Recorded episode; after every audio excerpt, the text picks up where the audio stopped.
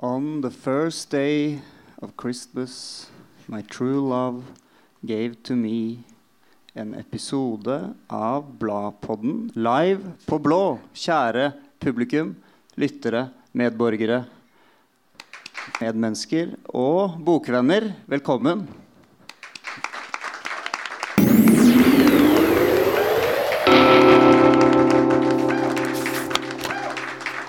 Jeg heter Jonas Meyer, og med meg har jeg som vanlig Eirin Andresen Betten, lektor og kritiker. Hvordan går det med deg? Du, det går fint. Um, jeg er bare glad i jul neste uke. Eller ferie, heter det vel. Mm. Du må kanskje si at du er lektor og det er derfor. retter Jeg tror det er derfor. stiler. Ja, det er akkurat det. Det er perioden her. Rett prøver. 95 av samme prøven. argumenterer hvorfor klimastreik ikke funker.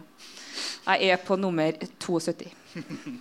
Så um, Før du fortsetter å snakke om dette, må vi introdusere panelet. Hei til deg, Live Lund, kritiker i Blad, journalist og påtroppende bokansvarlig i Vårt Land. Hei. Eh, Leif Bull, hei til deg, kritiker og forfatter. Siste utgivelse, neonskrift, essay, essays om litteratur, 'Natten' og 'New York' fra 2018. Hei. Og Ola Jostein Jørgensen, kritiker og forfatter. Siste utgivelse, novellesamlingen 'Ingen drømmer om Oslo' fra 2014. Hallo. Vanligvis eh, på disse podcast-innspillingene så pleier vi å snakke om hva er det vi leser for tiden. Men i dag, siden det er en slags kavalkade, dette her, så skal vi høre hva dere vil trekke fram som årets litterære hendelse. Ikke bok eh, riktig enda. Det kan man også lese om i siste utgaven av Blad. Hva disse tre mener om årets eh, bok. Men eh, hva vil dere si var årets litterære hendelse? Eh, For meg personlig så var det eh, en hendelse som utmerka seg at jeg dro til Stockholm og møtte den finlandssvenske poeten Tua Forstrøm. Hun eh, oversettes, eller er for første gang oversatt nå til norsk. Og hun gjorde utslettelig inntrykk, tør jeg å påstå. Og dette vare yndige, gode mennesket er nå på underlig vis valgt inn i svenske akademien.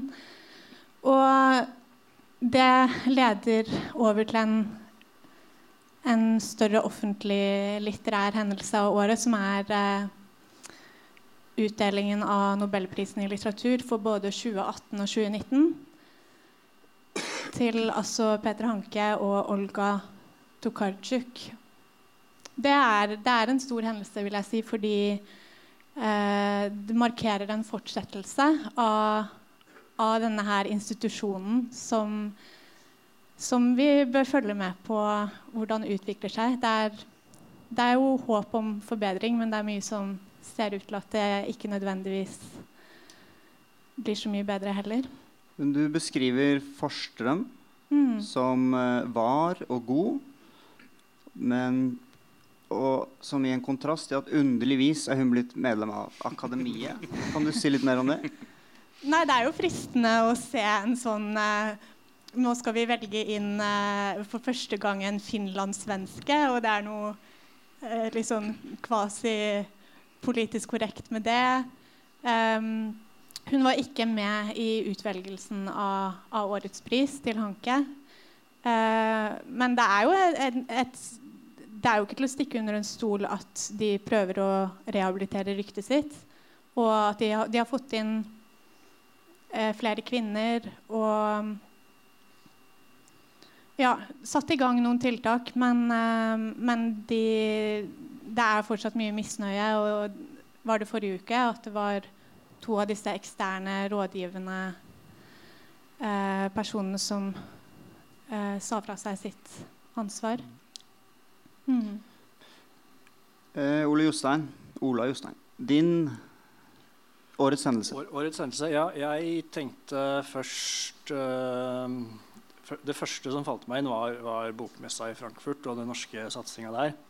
Som åpenbart var en veldig svær greie og stor jippo. Men, men det er, den er eh, eh, var jeg egentlig lei av å høre om allerede før den hadde begynt. Sånn at jeg vil heller si en, en hendelse fra i år som skjedde i mars i år, var da, da Kjartan Fløgstad eh, på Forfatterforeningens årsmøte eh, gikk opp og meldte seg ut av foreningen eh, pga. Eh, behandlingen altså, det er jo en forhistorie der. Han, eh, han, var eh, veldig veldig sint over at Forfatterforeningen året før hadde gitt en unnskyldning til disse jeg tror det var 17 forfatterne som etter krigen ble dømt av den såkalte æresretten. Eh, Bl.a. Alf Larsen og, og André Bjerke. De, de ble altså dømt i, på, på 40-tallet i denne æresretten eh, fordi de hadde samarbeida eh, med nazistene eller gjort ting som var eh, som var ikke, ikke, så bra under krigen. Og så fikk de da i 2000 og, eh, 2018 en unnskyldning fra Forfatterforeningen for denne behandlingen. Og det falt Fløgstad så tungt for brystet at han altså gikk opp på talerstolen og meldte seg ut. Eh, og tok med seg tingene sine og bare gikk fra, fra møtesalen. Eh, som er, det høres kanskje ikke så kraftig ut når man beskriver det, men jeg tror det var for de i salen var det en ganske eh, overraskende vending. Så det endte i hvert fall foreløpig med at nå skal, er det satt ned en komité som skal se på hele denne saken igjen.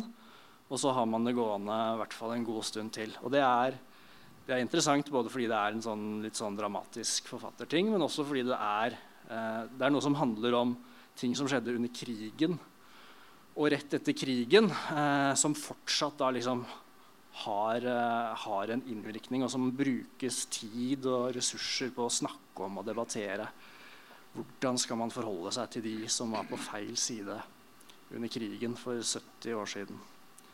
Så det, jeg, det er et eh, slags høydepunkt eller en hendelse. var du til stede i salen? Nei, jeg Nei. var ikke det. Jeg, eh, jeg, er jo medlem, men jeg var ikke til stede i år. Så jeg har bare fått det beskrevet i etterkant, både gjennom medier og gjennom folk jeg kjenner som var der. Men Er det en verdivurdering av deg her òg? Syns du det var positivt, eller?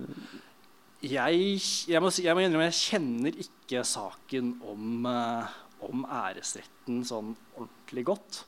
Jeg syns det virker som det er uh, gode argumenter på begge sider. Men jeg har også veldig veldig stor respekt for Fløgstad. Da. Jeg syns han er en, en, strålende forfatter og også en veldig eh, smart og ikke minst veldig hyggelig fyr. Det jeg har prata med ham et par ganger.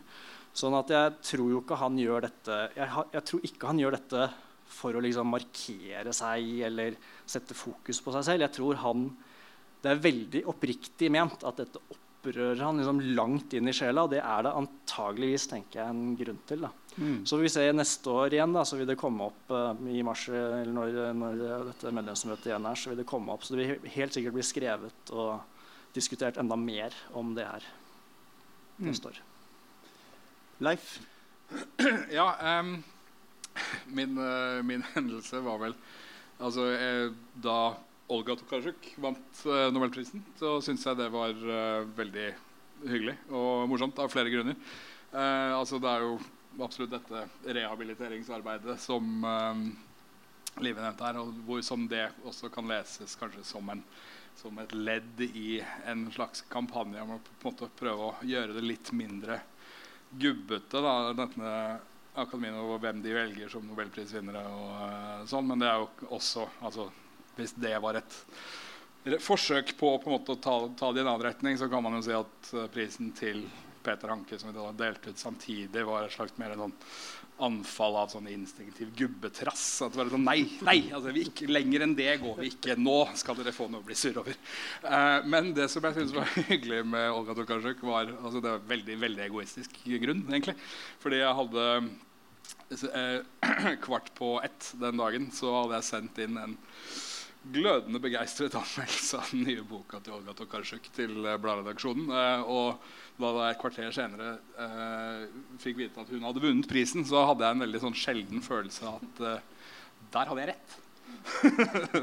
da, da, da, da, var jeg på en måte bekreftet. Så det var, et, så det var mitt lille sånn, navlebeskuende sånn, Min måte å få nobelprisen til å handle om meg. Mm. Ja, det, var jo, det er ikke så ofte jeg får anledning til det. da du eh, anmeldte den boken, Leif, ja. Hvor grundig leste du da? Og hadde du tidspress? altså, jeg hadde jo en deadline, uh, men jeg leste den veldig grundig. Uh, Hadde du andre strukturelle begrensninger? altså, jeg hadde jo lengden, da. Eh, så det var antall tegn. Antall tegn, Og den måtte jo inn på en viss dato. Og jeg hadde, ikke, jeg hadde ikke flere måneder på meg til å lese den. Nei. Ok. Eh, så, men jeg leste, jeg leste den helt uten å skumlese. Og jeg leste den veldig grundig og syntes den var veldig god. Så, Fordi nå skal vi snakke om den famøse Svin Svindland-saken. Eh, Fredrik Svinland og Maria Navarro Skaranger redigerte antologien 'Når verden plutselig forklarer seg for meg' og andre leseropplevelser. I forordet som ble trukket fram i anmeldelsene, skriver Svinland bl.a. at forfattere må være fremfuse. Um, de litterære debattene er med bare få unntak grunne og utvendige. Nominasjonene er traurige og forutsigbare. Anmeldelsene, selv de gode, er ofte endimensjonale og mangelfulle. En god lesning kjennetegnes først og fremst ved at den ikke er gjort under tidspress. Det er vel i um, intervjuet i bladet faktisk at han sier det. Eh, nå, nå trekker jeg sammen flere eh, tekster her, men det er fortsatt Svindland. En god lesning kjennetegnes først og fremst ved at den ikke er gjort under tidspress eller under andre strukturelle begrensninger. Og så videre, og så videre. Alt dette blir brukt eh, mot han i, og mot antologien i, i anmeldelsene. Og Henning Hagerup eh, melder seg på, skriver et innlegg. Um, så jeg har lyst til å høre litt eh, deres tanker om denne debatten. jeg. Leif, kanskje? Gå først. Ja, Uh, ja, nei, altså det er jo mye, mye å ta tak i der. Det er mye, mye som mange har tatt tak i allerede. Altså, det, er jo, altså det er jo den innledningen og på en måte Svindelands liksom, hans utsagn i, i intervjuer rundt sånn har jo hatt ekstremt mye å si for hvordan, hvordan hele boka har blitt lest. Også da eh, essays skrevet av andre enn ham selv. Eh, og, og de har vel kanskje til et visst, eh, til et visst punkt blitt nødt til å Eller liksom blitt stilt til ansvar for ting han har sagt eller skrevet, og blitt vurdert ut fra kriterier han har eh, etablert, som de kanskje ikke nødvendigvis ville være enig i. Eh, altså, jeg synes I utgangspunktet synes jeg jo at det å ha en antologi med, altså, med tekster om forfattere som har fått ufortjent lite oppmerksomhet, det å løfte folk frem og på en måte gi dem ubetinget ros, er kjempesympatisk og, og, og viktig. Altså det er, for det er ikke noe tvil om at, altså at det er strukturelle begrensninger i den liksom, norske medievirkeligheten da, som, som gjør det vanskeligere for forfattere å i det hele tatt nå frem. Altså det, er, eh, det blir færre og færre anmeldelser. Altså, hvis du snakker med skjønnlitterære forfattere som kanskje debuterte for 10-12 år siden, og som fortsatt skriver, så sier veldig mange av dem at, de, måte, at antallet anmeldelser de kan regne med nå, er kanskje en tredjedel eller en fjerdedel av hva de kunne regne med ja, for, ja, for 10-12 år siden. Eh, så, så det at, måte, at den smale litteraturen i mediene på en måte er under press, er det ikke noe tvil om. Men der Svineland bommer da, veldig, synes jeg, eller hvor han, på en måte, han setter opp feil, uh, feil målskive for kritikken sin, og derfor bommer han også så du synger. For altså, han gjør til hovedproblemet med altså, det, han, det han identifiserer nærmest som liksom, hovedkilden til at det er såpass galt fatt, er liksom, ved individuelle kritikeres eh, svakheter som lesere. Uh, og altså det blir jo altså Det er litt sånn det er fristende å påkalle Zizek uh, her, som sier at du hater ikke mandager, du hater kapitalismen. Uh, altså Det er litt det samme med altså, Du hater ikke liksom, kritikere som ikke leser boka di riktig. Du hater det faktum at det ikke finnes nok plass i medier til å omtale flere. Å bruke mer plass på bøker, skrive fyldigere, skrive grundigere. Altså, for det er jo ikke, er jo ikke noe For selv om det, igjen at det er det å si at liksom, du ikke kan ha noen at det ikke kan være noe tidspress eller ikke noen plasshensyn. og sånn at det er det som kjennetegner en god tekst. Det er litt rart. Altså, formodentlig ble jo også den boka, den antologien, skrevet under en deadline. Altså, ellers hadde den jo bare svevd rundt i kosmos som ren tanke fremdeles. Eh, så altså, noen, noen rammer må man jo tross alt ha.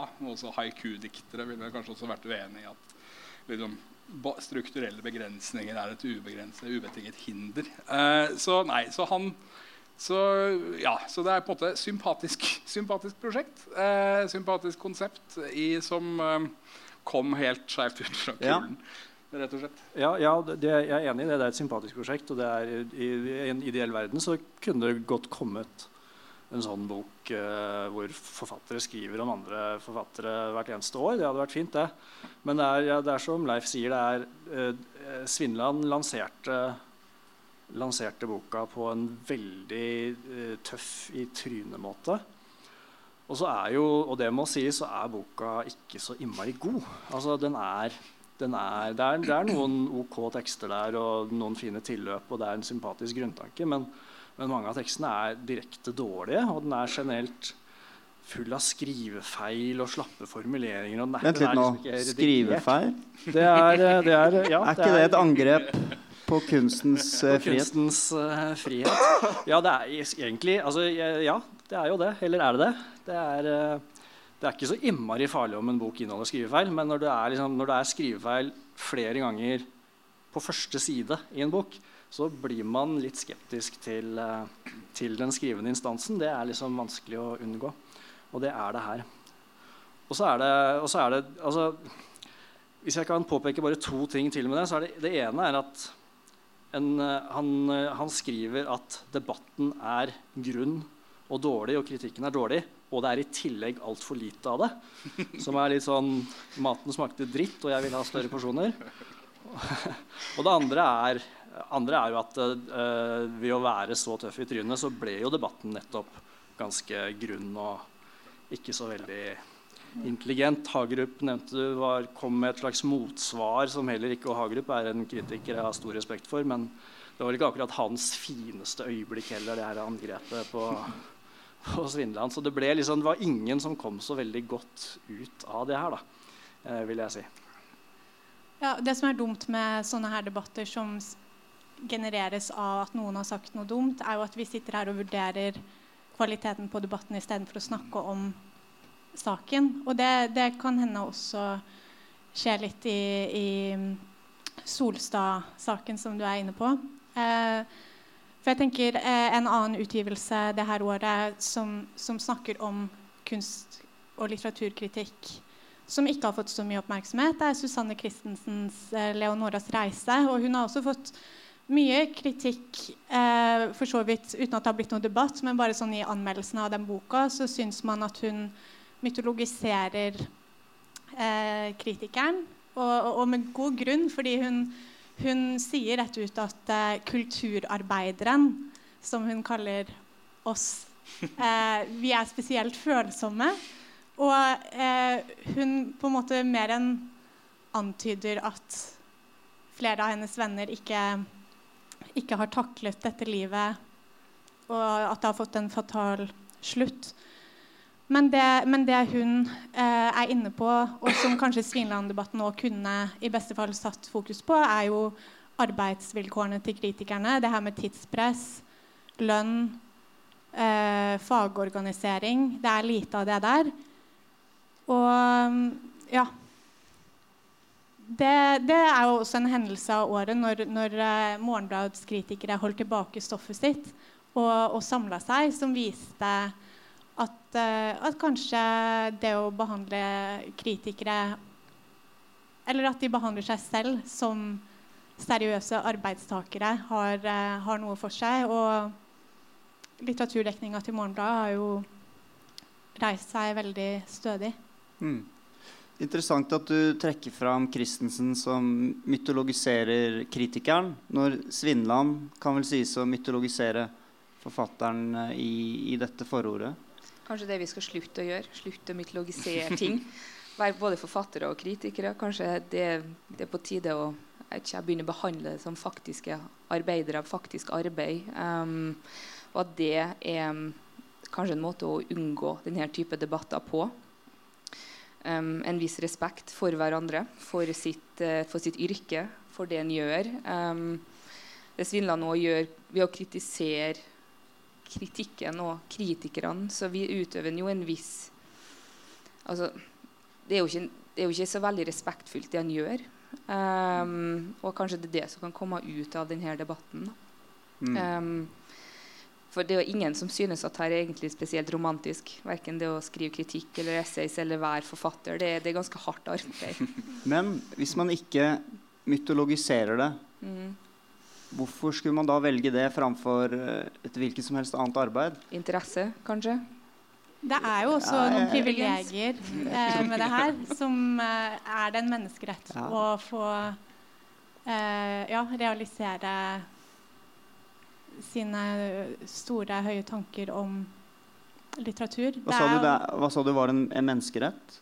Ja, ja eller det, det- Trenger vi kritikerne, da? Trenger vi forfatterne? Ja, men i hvilken grad? Hvor mange av oss? Eh, så jeg tror jo alle sitter på en sånn veldig kontrastfull følelse av å være privilegert og samtidig være satt i en vanskelig og ensom situasjon hvor du ikke har så mange rettigheter. Og, og den kontrasten der er ganske reell. Mm. Begge deler stemmer. Mm. Ja. Ja, det, det er, det er jo det er et kjempeparadoks eh, for kanskje særlig forfattere, men jeg tror det gjelder kliniske kritikere òg. Man jobber veldig hardt for å komme et sted. Altså for, hvis man er forfatter, få gitt ut en bok. Eh, og er naturlig nok eh, både stolt og glad for det. Og så er det den følelsen av Ofte, de aller fleste kanskje, tror jeg kan driste meg til å si, føler at de ikke blir sett i tilstrekkelig grad eller får nok anmeldelser, som Svindland snakker om. Eller, altså, får, man får aldri, nesten aldri, eh, den oppmerksomheten man føler man fortjener. Og så er det lett å bli litt sånn eh, Litt sånn sur på det, eller man kan bli litt, noen blir litt bitre, noen blir desillusjonerte. Noen snakker ned hele det å, å liksom være en person da, som får skrive noe og få få det på trykk og være i offentligheten. Og så er det samtidig en så ekstremt eh, mange som sitter der ute og så innmari gjerne vil ha den personen. Så som Livet sier, man er jo veldig veldig privilegert som har havnet der. Og det er så veldig, Havnet hvor? eh, som en som har fått gitt ut en bok, eller, eller også vil jeg si som en kritiker som, som blir trykt og lest. Eh, som også er en posisjon som eh, det nok er flere enn de som faktisk innehar, som kunne ønske seg. Mm. Eh, men men eh, samtidig som det da altså er kan være tungt og vanskelig. Og så er det det der med å huske eh, Huske hvilken privilegert posisjon man da faktisk er i. Check your privilege. Check your privilege. Ja, det, det handler jo også litt om å søke offentligheten. Da. Du, um, bare for å gi litt inside information. I en fellesmail som ble sendt ut til alle, så stilte du spørsmål om det er en sånn underdog-posisjon her. Og Du, det er de fellesmailene. Ja. De holder du kjeft om panelet. jeg skal gjøre det. Det var, det var én gang. jeg skal ikke gjøre det igjen. Men, men um, han søker jo Sånn som Svidland, du, det er et eller annet med at når du faktisk utgir noe, så har du òg Du havner ikke der tilfeldig. Du søker offentligheten med viten og vilje. Og da må du òg ta imot det du får noen gang. Og ikke, det er ikke alltid at du er um, like fornøyd med det. Men jeg vet om det er Svinland sin reaksjon på at han ikke har fått den mottagelsen han sjøl ønsker, eller den oppmerksomheten han sjøl ønsker, og det her er resultatet. Det er mulig. Um, Ja, det, var, det var ikke ja. meningen å psykologisere Svindeland. Altså. Det er Hva han har tenkt og følt, skal jeg ikke si noe om. Og bare for å nevne det, Han er en veldig god forfatter. Eh, bøkene hans er kjempefine. Så han er, ja, Ja. Bare for å ha nevnt det. Unnskyld. Nei, det var mitt poeng, bare. At uh, det er når du søker offentligheten, slik som forfattere og kritikere altså, Du vil jo Ingen skriver noe uten at de har lyst til å bli lest heller. Vi vil bli hørt. Det et, jeg tror det er sånn fellesnevner for alle sammen som publiserer et eller annet. Du sitter, og det, Vi kan late som de ikke er så kan vi late som vi er veldig ydmyke. Men vi har lyst til å bli lest, Ja. og vi har lyst til å bli hørt. Og ofte Og, eh, ja, eh, av at man ikke ble forstått i, i barndommen. ikke sant? Og det er jo Det var sånn barnehagetante som ikke skjønte hva du sa engang, og så har det baller på seg. Nei, men jeg, jeg snakker kanskje for meg selv nå, men eh, eh, da jeg var fire år så, nei da. Men, men det er jo sånn at eh, forfattere inntar ofte en outsider-posisjon, syns jeg å se. da. Og hvis man hadde lagd et kart, så ser man at alle forfatterne er outsidere, mens snakker om det store viet de ikke er en del av ofte. da. Vil de inn i det viet? Eller trives de som outsidere? Det er jo spørsmål her. Hva er viet, da? Konsulentbransjen? Er det det som er viet? Men, men et interessant trekk, interessant trekk med den antologien at mange av forfatterne som blir trukket fram, er jo har jo vunnet priser og blitt nominert til priser. Og Mm. De bare selger ikke så mye.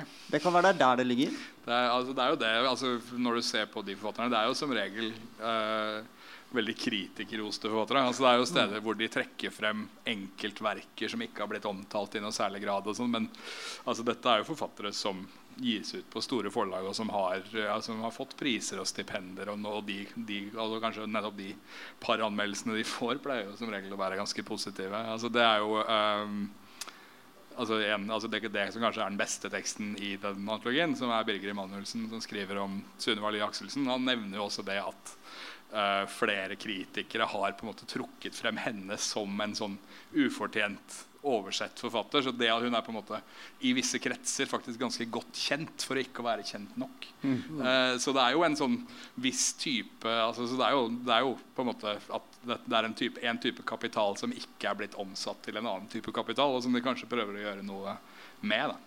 Og det er ikke noe tvil om det at det er altså, litt jeg tror ikke, altså Hvis man skal snakke om hvorfor altså Hvis i den grad forfattere inntar en outsider-posisjon, så har, du kommer ikke utenom et spørsmål om penger. Hvis du skal snakke om hvorfor det er sånn, eller hva det kan ha med å gjøre. For det er jo, det er jo dårlig betalt, og det er usikkert, og det er ensomt. Det er veldig mange, altså veldig mange ting som altså heltidsarbeidstakere med universitetsutdannelse i Norge i dag. Og jeg vil tro at eh, altså, de aller, aller fleste norske forfattere er jo utdannede mennesker fra middelklassen. Sånn at, eh, altså, så hvis de ser rundt på sine liksom, på en måte, jevnaldrende, så er jo klart så de, er jo ut, de holder på med noe helt annet. Altså, de er jo mye mer utsatte enn en andre. Men det er jo også kritikere, for kritikere er også veldig dårlig betalt. Altså, som, som vi alle vet. Uh, at det er jo ikke, så de er jo så, nettopp sånn Når det settes opp en sånn konfliktlinje mellom verstselgende forfattere og frilansanmeldere som måte får et par tusen for hver anmeldelse de skriver. Og så, altså når de da begynner å krangle som Bustad, som Bustad fyker, som om liksom, de er uvennene her altså Det blir litt sånn to krabber i en plastbøtte som slåss med hverandre mens det sitter en åtteåring og ser på dem. Liksom. Altså det, ja, igjen, Du hater ikke mandager, du hater kapitalisme. Jeg tror vi skal um, forlate det temaet nå, men før vi gjør det, så har jeg lyst til å høre Hvis dere skulle skrevet i denne antologien, hvilken forfatter ville dere løftet fram? Jeg mistenker jo egentlig litt at spørsmålet da er hvem i min skrivende bekjentskapskrets vil jeg gjøre en tjeneste? Ok? Ja. Tror dere ikke det? Jo. Men eh, ja, da er det Du- du kan flere å velge mellom. Katrine Heiberg har ut en fantastisk eh, diktdebut for et år siden. Eh, som eh, jeg sikkert kunne skrevet om. Ja. Hva heter den? Den heter uh, det, en, Oi, 'Det gule bladet'. Den sorte bilen på kolon. Mm, nettopp. Ole Øystein? Ja, jeg, det er en, en forfatter som har fått en del uh, gode kritikker og eh, kanskje har vært nominert til noen priser, og sånn, men som veldig få har lest. Og det er Stig Aasvik, eh, som jeg skrev en greie om i, i Bela i tror det var i, for eh, nesten to år siden. Han er veldig god. Eh, han hadde fortjent flere, flere lesere. Siste boka hans het 'Ordføreren i Oslo'. Eh, og den før det het 'Lofotveggen'. De er veldig veldig morsomme, kule bøker. Ja, jeg har, eller Det er vel en, en, bok snarere enn et forfatterskap. og Det er av en bok av Cecilie Holk som heter 'Besserwisser'.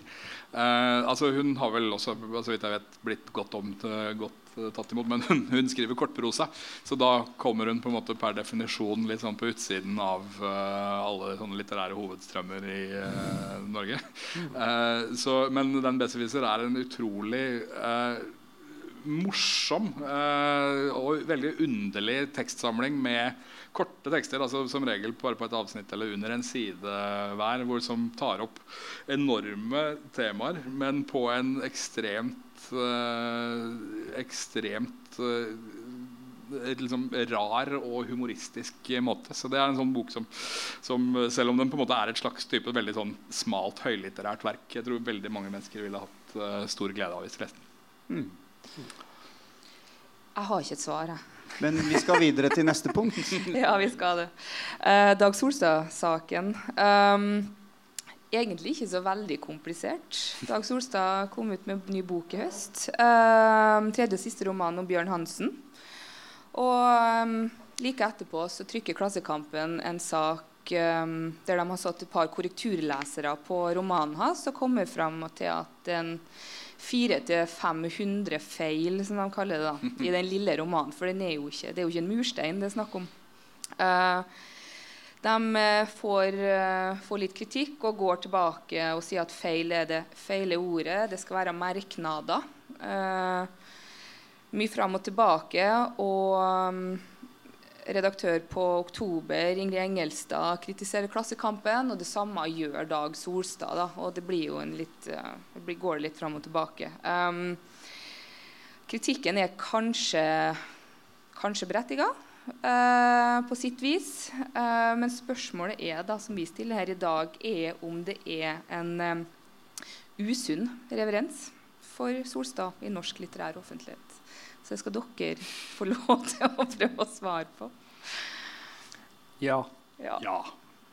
Det er jo det. Skal vi begrunne det? Nå har dere sagt ja. Vi må ha et fra deg, hvis du klarer det. Ja, jeg kan si ja på det, jeg òg. Okay. Men, men jeg syns på en måte at alt ved denne saken blir sånn pinlig komisk fordi ingen ser det komiske der hvor det er. Helt fra liksom, Klassekampen hadde den første saken, så tenker jeg hvis man leser det med litt humør, så blir man jo ikke indignert på Dag Solstad sine vegne. Er, han bærer det bra. Men, men, det kommer sånn Det bare baller på seg med, med sånn eh, humørløse enten raseri eller liksom forsvar, da. Uh, ja. Som jeg syns er veldig pussig å vitne. Ja, Klassekampen det kan vi jo også si. Klassekampen fikk jo, altså Mari Skurdal, redaktør for Klassekampen, skrev jo en dobbeltside der hun måtte forsvare eller hun først måtte be om unnskyldning, eh, og så måtte hun også forsvare sine journalister i en og samme tekst. Da, for det må jo hun som redaktør faktisk gjøre. Um, det er jo pålagt. Så, um, eh, og det kommer i etterkant av Solstad sin kritikk av journalistene. Ja, og det var en ganske Det var jo ikke en Du sier kritikk, men det var jo en, en slags slakt av ja. uh, journalistene og Klassekampen og og kulturjournalistikken. Og altså hele Klassekampen som prosjekt, nærmest. Ja. Illustrert med en tegning der han tenner på og brenner avisen. ja. Som om han var Anders Anundsen. Ja, ikke sant? Men det var det jo Klassekampen som gjorde. Det var jo de som bestilte den karikaturen. Den og ja, det på det, er, det er sant. Hmm. Så de, de, de, fyrte opp bålet, eller de ga i hvert fall tettstikkene tennstikkene sjøl. Ja. Ja, nei, sånn at eh, det, Hvis man skal liksom prøve å pakke ut den saken, så er det det ene er jo at eh, Klassekampen sin første sak ikke var så veldig god. Altså, det, er, det kunne vært interessant å se på antall kommafeil og generelle skrivefeil i en tekst og snakke om liksom eh, Som de prøvde vel å gjøre det til etterpå. da, Korrekturleseres kår og og tilstanden på rettskriving i norske bøker og sånn. Men, men, det var jo ikke det. Det var jo litt sånn eh, Jeg ser for meg at noen har sittet på puben. og bare, Er det ikke mye skrivefeil i mm. Solstad-boka? Ja, nå, nå, gjør vi noe gøy på Solstad. Og så blei det litt sånn pirkete og tåpelig. Og så, og så gikk det liksom bare helt av skaftet derfra. Men hvis man, hvis man, skal, hvis man ser på det, og jeg har ikke sett hele lista, for den ble ikke lagt fram, så er det noen kommafeil. Det, det, altså, det, det, går ikke an å bry seg så innmari mye om, og det må Solstad få sette hvor han vil, mener jeg da, sånn i prinsippet. Men at f.eks. navnet til Gynter Grass er feilstava, det er jo pinlig. Det skulle forlaget ha plukka opp. Og det er, hvis det er mange sånne, så er det, synes jeg det er, helt, det er en helt fair ting å påpeke det i en, i en anmeldelse eller et eller annet. Uh, men det, liksom, det var noe med innpakningen og presentasjonen da, som gjorde at det ble, ble litt uh, snodig. for å si Det mildt. Ja, det er kanskje ikke verdt en hel avisside om bare de litt for mange slurvefeilene. Så det, er jo det, det virker litt sånn etter sånn treig dag på desken det er noen eim av at de må, her må de fylle sidene sine. Men, altså, men, samtidig så var det jo det ble jo det som altså, Det var noen år siden hvor Fridtjof Jacobsen i VG lanserte uttrykket 'uverdighetsfestival' om sånne debatter hvor på en måte alle parter blamerer seg da, fordi det går sånn helt over alle. Og det er litt sånn. Altså, det var ingen, ingen vinnere i den, uh, ingen den debatten. Men, men, kan jeg bare skyte inn en, inn en litt mer sånn generell ting? Med Litteraturåret 2019, så syns jeg det er interessant at flere av de debattene vi har hatt, har gått inn på egentlig forlagets rolle. I, sånn som her er det korrektur. Eh, i, vi hadde um, plagiatsaken eh, hos Gyldendal. Kildebruk-saken eh, i en samisk verdenshistorie. Og det, det, kan hende jeg bare har uh, ikke fått det med meg før. Men, men uh, ja, det syns jeg egentlig er verdt å snakke om. da. Ikke at vi trenger å gjøre det nå, men, men forlagene har jo masse ansvar. Og det har, det har, gått igjen da, i flere av ting som har kommet opp i år. Mm. Det er godt observert. Det er en interessant trend.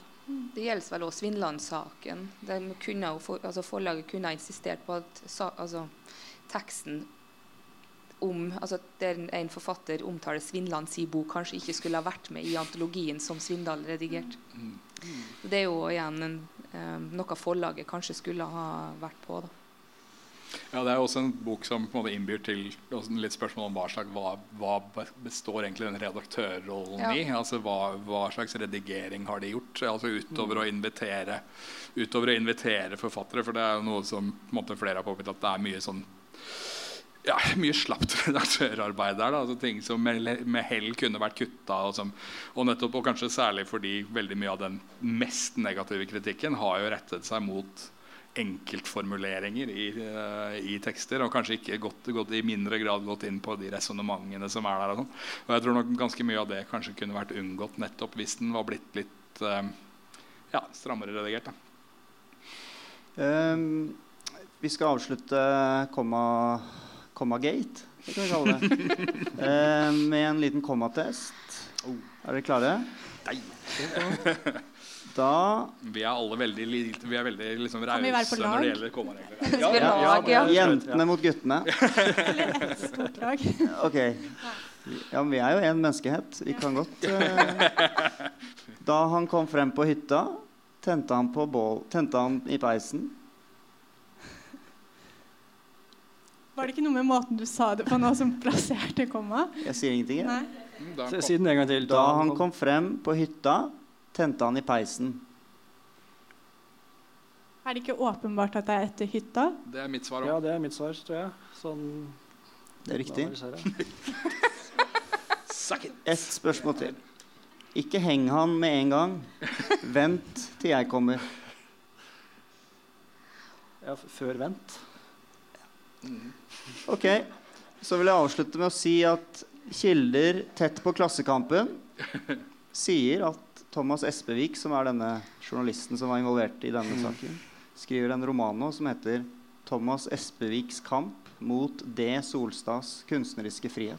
Vi får se. La oss eh, snakke litt om debutanter. Ja.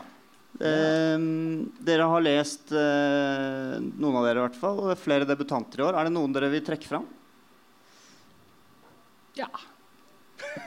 uh, ja, nei, et, et, par, et par debutanter. Uh, jeg, jeg, skrev en, veldig lunken sånn, samleanmeldelse om debutanter i bladet i fjor, hvor det var fire stykker, og så likte jeg egentlig ikke ingen av dem så veldig godt. Eller jeg syns alle var sånn helt ok. Uh, og det var så mye sånn helt ok at det føltes veldig fiendtlig. Men jeg har lest noen jeg liksom, genuint likte òg. Det var Ylva Østby. Som, altså hun har skrevet sakprosa før, men hun debuterte som novelleforfatter med en samling som het 'Passasjerhistorier'. som jeg synes var veldig fin. Og som på en måte tok et litt sånn klassisk novelleformat og klarte å åpne det litt opp og gjøre det til noe litt sånn underligere og større. Um, som, ja, den likte jeg veldig godt. Og den, en av kanskje en av de mest omtalte debutene i år, uh, som er 'Når jeg drikker', av Martin Svedman. Den diktsamlingen. Den uh, syns jeg, jeg, også var veldig god. Mm. Jeg vil nevne um, Kjersti Halvorsen. Uh, 'Ida tar ansvar' som kom nå i høst og har fått for så vidt ganske mye fine kritikker. Som er en veldig morsom og smart bok om Ida som uh, studerer på universitetet og treffer en uh, en uh, sånn incel, altså en, en fyr som lever i ufrivillig sølibat og tar selfies av seg selv med våpen og legger ut på Facebook. Og, ja, og Ida tar en type ansvar for å avverge eh, noe hun tror kanskje kan bli en farlig situasjon. Og så spinner den rundt det. Og den er, den er både språklig god, eh, veldig solid håndverk, eh, ganske morsom, og den har en sånn eh, eh Den handler om noe som liksom på en måte er litt sånn norsk og smått. Du går på Blindern, eh, noen relasjoner, noe vanskelig med foreldre, sånne ting. Men den har en en mer kanskje ikke politisk, men sånn samfunnsmessig undertone. Da. Den handler om eh, en større trend i liksom, dagens samfunn på en intelligent måte, som jeg syns er Den er fin. Den er god. Mm. Mm. Synes det er interessant Ja, Vil du si noe, Live? Nei, jeg kan hoppe over, jeg. Ja. um, ja, for du har ikke lest så mange debutanter? Ja. Nei, ikke så mange. Jeg har lest et par, bare. Ja. Og da er det litt tynt Ja, sammenligningsgrunnlag. Det er fair. Ja. Men eh, jeg syns det er interessant. Svedmann, Østby, Halvorsen. Alle er gitt ut på Cappelen Dam. Ja. Mm. Jeg har lest to, jeg òg. Og de er også gitt ut på Cappelen Dam. Ja. Begge to. Hva er det som skjer? Nei, jeg vet ikke. Cappelen Dam prøver noe nytt. Jeg aner ikke. Um, jeg skal ikke si noe om de debutantene jeg har lest. Men det um, er en annen sak. Jeg vet ikke, De har gitt ut Cappelen Dam har kommet ut med var åtte stykker, i hvert fall, tror jeg, på første, første halvåret. Og nå til høst så en fire-fem. Fem, muligens. ja. Og det er jo ganske mange for et forlag. Gi ut en um, 11-12 debutanter på et år. På, et år, ja, ja. Mm. på de store debutantdagene i forrige uke på Litteraturhuset var det 40 debutanter som leste, og jeg er ganske sikker på at 11 av de, altså rett over en fjerdedel, var fra, fra Cappelen. Ja, Får en sånn følelse at du hiver ting opp i været, og så ser du hva som lander, og de får lov til å gi ut bok nummer to. Um, Kan vi, ja, kan vi finne noe å kritisere her i Cappelen Dams debutantsatsing? Eller er det utelukkende positivt? Altså, jeg vil jo si at Leif, du ser ut som du har sett en grevling. nå. ja. Nei, altså jeg vil jo si at det man mener Eller altså det at uh, altså, altså Norsk litteratur er jo fullstendig avhengig av et friskt tilsig av nye forfattere. Uh, og altså det at altså nettopp den derre slenge masse debutanter mot veggen og se hva som blir hengende, det er ikke noe nytt egentlig det. Altså, det har lenge vært sant at de aller fleste debutanter aldri skriver bok nummer to. Eh, men, men, det, altså, men det, det sier vel kanskje noe om altså Det sier vel nettopp noe om hvor svære Cappelen er. eh, når, så mange av, eh, når så mange av de debutanter, årets debutanter kommer derfra. Men de, har jo også, de gir jo også ut en ja, De gir jo ut omtrent en fjerdedel av alle bøkene som gis ut i Norge. tror jeg. Så, det, så da at de har omtrent en fjerdedel av alle debutantene, er egentlig bare mer av det samme. Mm. Ville sjaman Durek sin bok vært regna som en debut hvis den ikke ble forfulgt? Nei. Men eh, jeg vet at de eksempel, de, de tok jo et Hva skal man kalle det? Et kupp eller en eh, sveip av en hel, eh, et helt kull på forfatterstudiet i Tromsø. Hvor eh, mange av dem eh, ble gitt ut av, på Cappelen Dam eh, ett eller to år senere. Okay. Ja. Mm. Ja. Så de har, vært, de har fulgt godt med, da. De har vært aktive, ja. Mm. de har vel noen jo- signaler, har de ikke det? Jo. Cappelen Dam, sant? Og det, Ja. Det er jo Mange kommer derfra. Den veien også, Ja. de har nemlig opplevd lenge at de har ikke klart å fange inn de som har bidratt til signaler. De mistet mange av dem til andre forlag. Så jeg tror det har, de har snakket litt om dette, og så har de tenkt nå må vi holde på de vi faktisk får inn. Mm. Mm. Ok, um, Det var debutantene. Nå skal vi snakke om din favorittbok i år. Så ja, vil du starte, Ja. Eh, av norske, norske utgivelser så er min absolutte favoritt eh, Fallbakkens 'Vi er fem'. Den eh, leste jeg for ikke så lenge siden, men, eh, men det var sånn det var så stor lettelse, fordi da kjente jeg at å ja, jeg elsker jo faktisk å lese. Det kan man jo av og til glemme når det, når det blir eh, mye plikt. Men, eh, men den boka Den er rett og slett veldig morsom. Og eh, den, den gir et eller annet mer enn det, enn å underholde. Men jeg, jeg vet ikke helt hva det er. Men den, den blir liksom med deg. Og, og kommenterer ting i, i samtida uten at det er så veldig mm, villet, på en måte, til eh, Ja, det er kanskje Nå har ikke jeg lest ferdig full spredning av Nina Lykke, men, men eh, jeg driver på med den, og den opplever jeg som en mye mer sånn villet satire. At nå skal, jeg, nå skal jeg gripe an dette her, og du skal le der og der. Mens Fallbakken er eh, eh, er ikke sånn. Den er veldig uforutsigbar. Mm. Og be bedre, høres det ut som du sier? Jeg, jeg, skal ikke si det når jeg ikke er ferdig med den. Nei, nei, nei. men, uh, men, det er årets beste norske leseopplevelse for min del. Ja. Mm. Jeg kan si det. Fallbakken sin bok er veldig mye bedre enn Nina Lykke sin bok. Hva sa du, da? Og Nina Lykke sin bok er helt OK, den altså. Uh, skal jeg fortsette? Ja. uh, og da, det er alltid når det er sånne spørsmål, så er det nå har vi nevnt, ikke sant, det er 40 debutanter i år. Uh, og jeg har lest jeg tror jeg har lest ti av de. Og det er Hvor mange skjønnlitterære bøker er gitt ut? 200? 300? Jeg, jeg, vet ikke hva tallet er. Jeg tipper nærmere 300. Og jeg har lest 30 av de, kanskje 40? noe sånt. Jeg har ikke telt over. Sånn at det er, man, det er, alltid en masse bøker man skulle ha lest og burde ha lest og ville ha lest, og så man ikke har lest. Men den beste jeg har lest av nye norsk skjønnlitteratur i år, er eh, Kjartan Fløgstad sin 'Du og drone'. Som er en tjukk og lang bok med masse greier som skjer, og masse ordspill og eh, påfunn og rare ting. Kjempeartig å lese. Litt, litt uh, frustrerende, litt vanskelig å forstå, men med sånn enorm fortellerglede og masse overskudd. Og igjen en sånn eh, han, han, er veldig politisk og veldig, veldig samfunnskritisk. Og er sånn, han er så sinna. Er, det er en veldig gøyal bok som er grunnleggende skikkelig, skikkelig sinna på hvordan samfunnet er. Og det syns jeg var eh, veldig veldig deilig å lese og veldig gøy å lese. Og så Hvis jeg skal nevne en oversatt bok, så vil jeg nevne Ali Smith sin eh, eh, 'Vinter', som kom ut på oktober i år. Den kom vel på engelsk i fjor, eller var det kanskje i forrige fjor. Som er den andre boka i et prosjekt hun har på gang, hvor hun skriver Det er sånn årstidsprosjekt à la Knausgård. Så det var autumn, høst, som kom først, og så kom vinter, og så kom spring. Den kom på engelsk nå i mars i år. Den har jeg ikke lest ennå, men skal komme på norsk neste år. så jeg. Og så skal hun skrive en som heter 'Sommer', som etter planen skal komme neste år. Og Der skriver hun ekstremt sånn samtidsretta. De handler om, eh, om brexit og om liksom tilstanden i England og verden akkurat nå, da, i disse årene.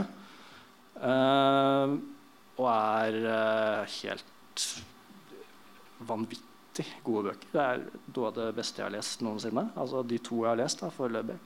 Så de kan anbefales. Jeg kunne sagt veldig mye mer om det, men jeg skal stoppe der. Ja, på norsk, eller norske med alle de samme forbeholdene om mengde og hva man har lest og hva man ikke har lest, sånn, så var nok den norske romanen jeg likte best i år, var uh, 'Roseromanen' av Øyvind Berg. Så hans første roman etter et lass med diktsamlinger og teater og stykker og eller, ja, til andre typer tekster. Uh, som er også en helt enormt overskuddspreget uh, og levende og begeistret bok om roser og rosedyrking. Eh, som handler om rett og slett en eh, en rosegartner og hans livshistorie og hans på en måte eventyr innen, eh, innen rosedyrkingens verden. Og det, altså, litt av måte, kunststykket der er at han tar et tema som jeg egentlig er fullstendig uinteressert i. Jeg kan ikke holde liv i en kaktus engang. Liksom, men han skriver, om, bare om, skriver masse om roser, og jeg er fullstendig bergtatt hele veien gjennom.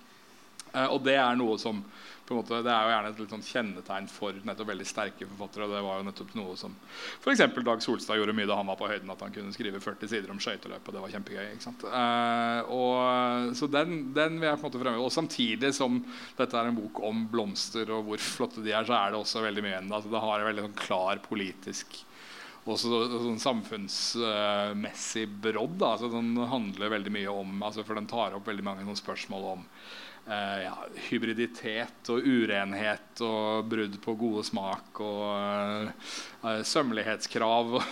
altså sånne ting som har vært med å forme uh, liksom, vært, Ting som har vært med på å forme hvordan roser har utviklet seg ble, som, som uh, litt sånn menneskeskapte produkter. Men det, det handler da også Det er, det er lett å trekke paralleller der da til også på en måte, sosiale og mellommenneskelige mekanismer. Og liksom vekter på, på altså, et, altså, det blir jo en, på en måte rett og slett en veldig antirasistisk tekst. Da. Uten at den faktisk handler, handler om det, uten at den nevner uh, mennesker, raser eller etnisitet. i det hele tatt. Uh, så det var en bok jeg synes var veldig god. Også på oversattfronten så i tillegg til Tukashik da, så kan jeg trekke frem uh, Ocean Wong, som kom ut nå på norsk veldig nylig. som het 'På jorden er vi glimtvis vakre', som er en litt sånn, veldig sånn selvbiografisk, ganske fragmentarisk bok om forfatterens oppvekst eh, som eh, vietnamesisk flyktning til, eh, til USA. Eh, og med, som vokser opp da med engelsk som andrespråk. Eh, så, så boka er helt utrolig godt skrevet på en veldig sånn stofflig eh, veldig sånn altså, den, har, den, på en måte bærer preg av at han siden engelsk ikke er morsmålet hans, så har han måte, hatt et veldig sånn, bevisst forhold til engelsk fra et uh, veldig tidlig tidspunkt. Så, er, så den, er veldig, sånn, den, er veldig, var på hvordan, hvordan språket føles. Um, og den er skrevet litt sånn inspirert av 'Sorgens dagbok' av Roland Barth. Den, er på en måte, på, den starter veldig som et veldig sånn intimt, intimt sånn oppvekst- og familieportrett. Som etter hvert da åpnes utover til å handle om venner av ham når han blir voksen. Og som da tar opp i seg som også blir, altså, Den tar også opp i seg da den opioidepidemien i USA. Så også, den går fra det veldig intime og nære til liksom, på en eksploderer ut i et sånn mye større sosialt uh, også, ja, veldig veldig god og original og uh, flott bok. Mm. Det var veldig mange begrensninger her, da, men siden 2019 er sånn første begrensninger, så uh, skal, ble det ikke så mange. Jeg hadde ikke lest så mye litteratur fra 2019. Um, men av romaner så blir det Ian McEwans 'Machines Like Me'. Um, litt fordi jeg synes hele AI, AGI-greia er um, artificial intelligence og bevegelsen over til sånn artificial general intelligence er veldig interessant. eh, når maskiner begynner å lære seg sjøl. Eh, og han gjør det på en veldig artig veldig interessant måte.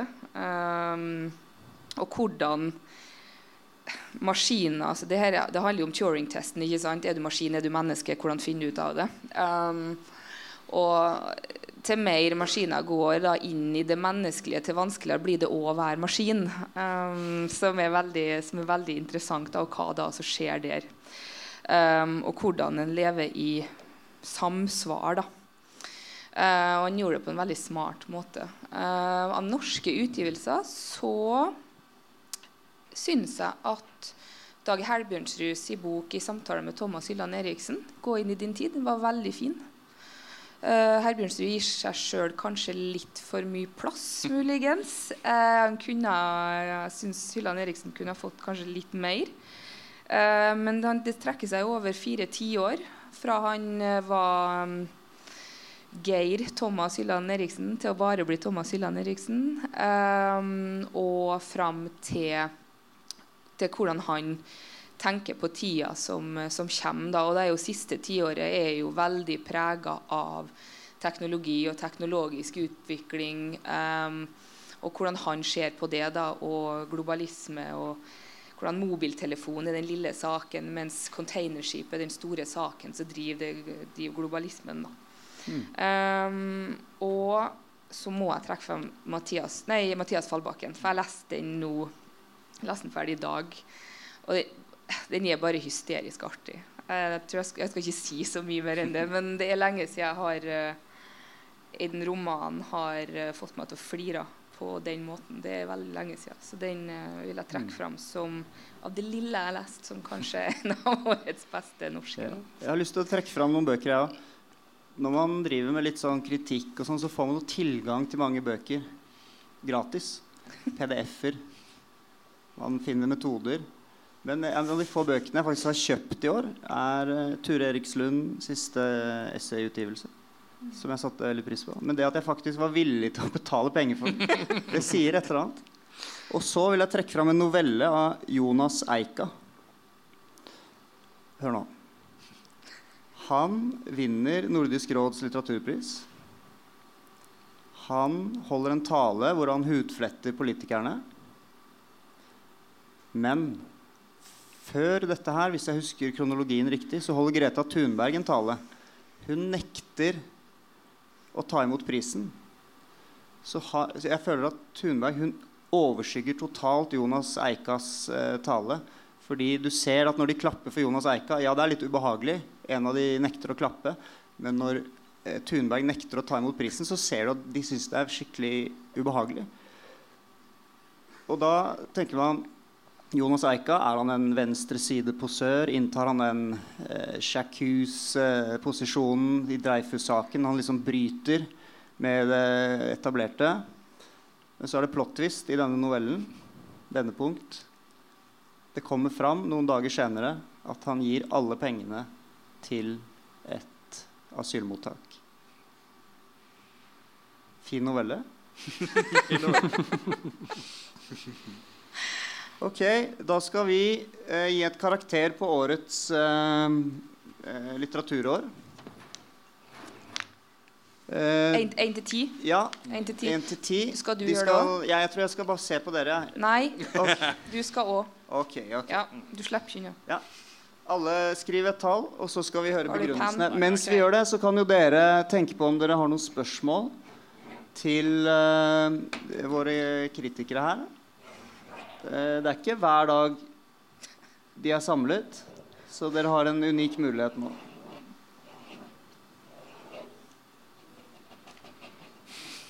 Veldig avansert. Blir det lagt merke til hvis man gjør seg litt flid med tegningen av dette tallet? Får du ekstra poeng? Virker det mildere? Kanskje.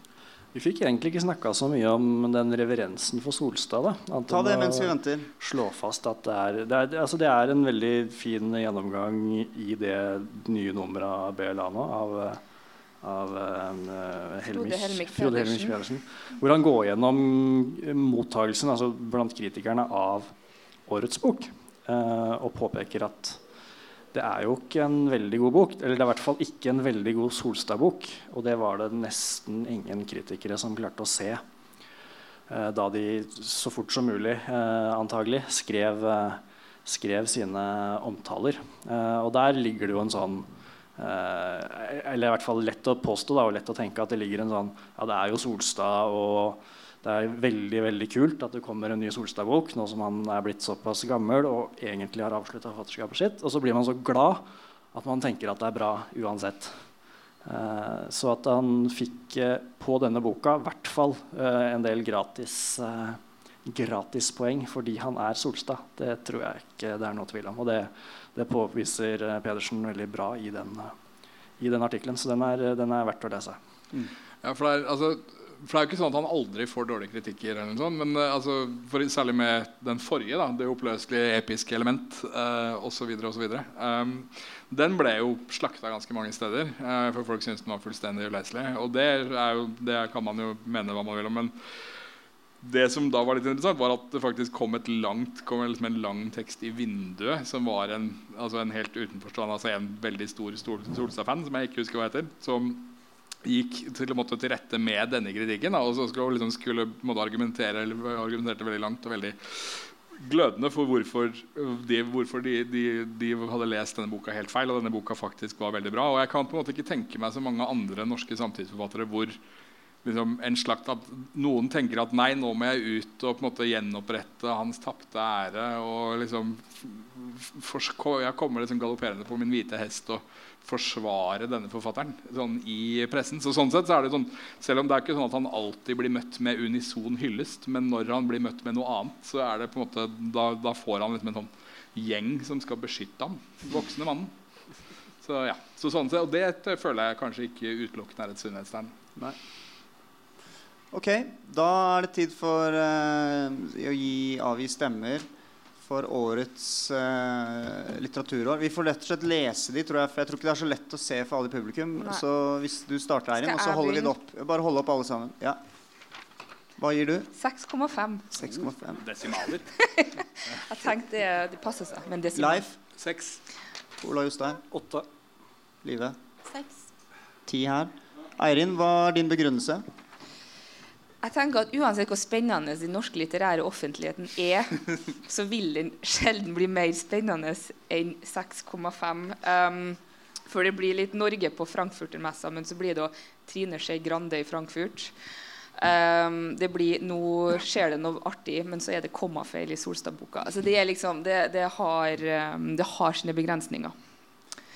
Ok, Leif, din sekser. Du var et halvt poeng under Eirin. Ja, jeg, jeg, visste ikke at vi kunne operere med desimaler. Ikke heller, faktisk. Alt, alltid, alltid tillatt. Alltid tillatt.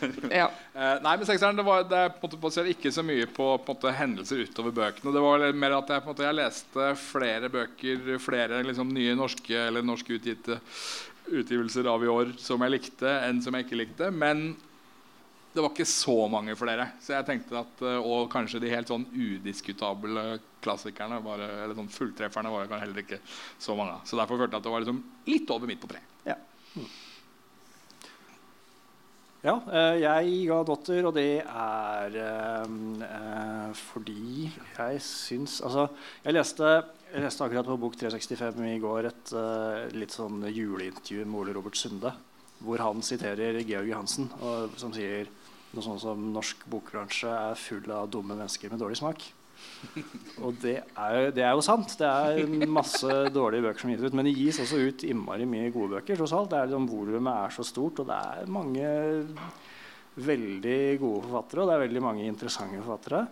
Jeg syns eh, det hvert eneste år kommer liksom en god håndfull eh, gode, eller gode, en god håndfull ordentlig, genuint eh, lovende, interessante eh, bøker som man kan tenke på og snakke om. Og sånn. Og det har de gjort i år også. Eh, og jeg har en bunke til liggende hjemme som jeg skal lese i jula.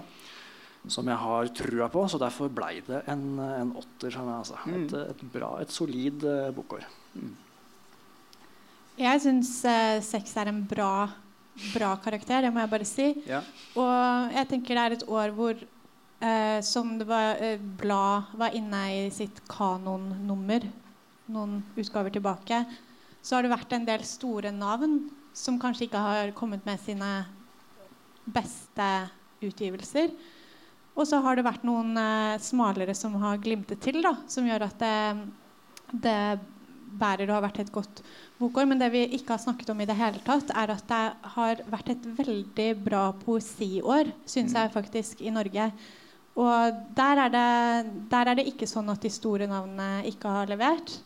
Men både Guddal, Steinar Opstad, Rimbreid eh, har gitt ut nye, gode utgivelser. Og det er mange, mange flere gode poesiutgivelser også. Så det, det må feires. Mm. Og du, Jonas? Ja, eh, bare det med poesi. Eh, det kommer vel en ut utgave av bladet som skal handle om poesi. Ganske snart. Så bra. Ja. Eh, nei, jeg ga en tier. Jeg syns det var jævla bra. Dere Positivt. Ja. Eh, tusen takk for oss. Vi har kost oss. Men det er fortsatt mulighet til å stille spørsmål hvis man har noe. Um, så grip sjansen nå.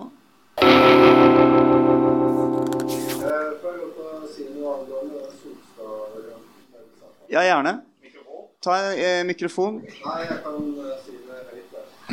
Det er at eh, jeg syns det stykket som Solstad uh, skrev som tilsvar til det dette kommastyreoppgjøret Jeg syns det svaret var ganske imponerende i den forstand at han, det var surmaga, det var kanskje feil Men fy faen for en energi den 77 år gamle Det syns jeg det jeg syns eh, faktisk Burde jeg banne i kjerka her. Jeg syns faktisk det stykket var nesten bedre enn romanen. det var mer energi. Det var mm. ok. Så jeg tror eh, jeg har uh, mine ups and downs på forhold til Solstad, men det lover godt. Ja. Er så digg av faen og så av bredden av denne klassekampen. Det syns jeg er klart. Ja, det var en fin avrunding. Takk for det. Takk.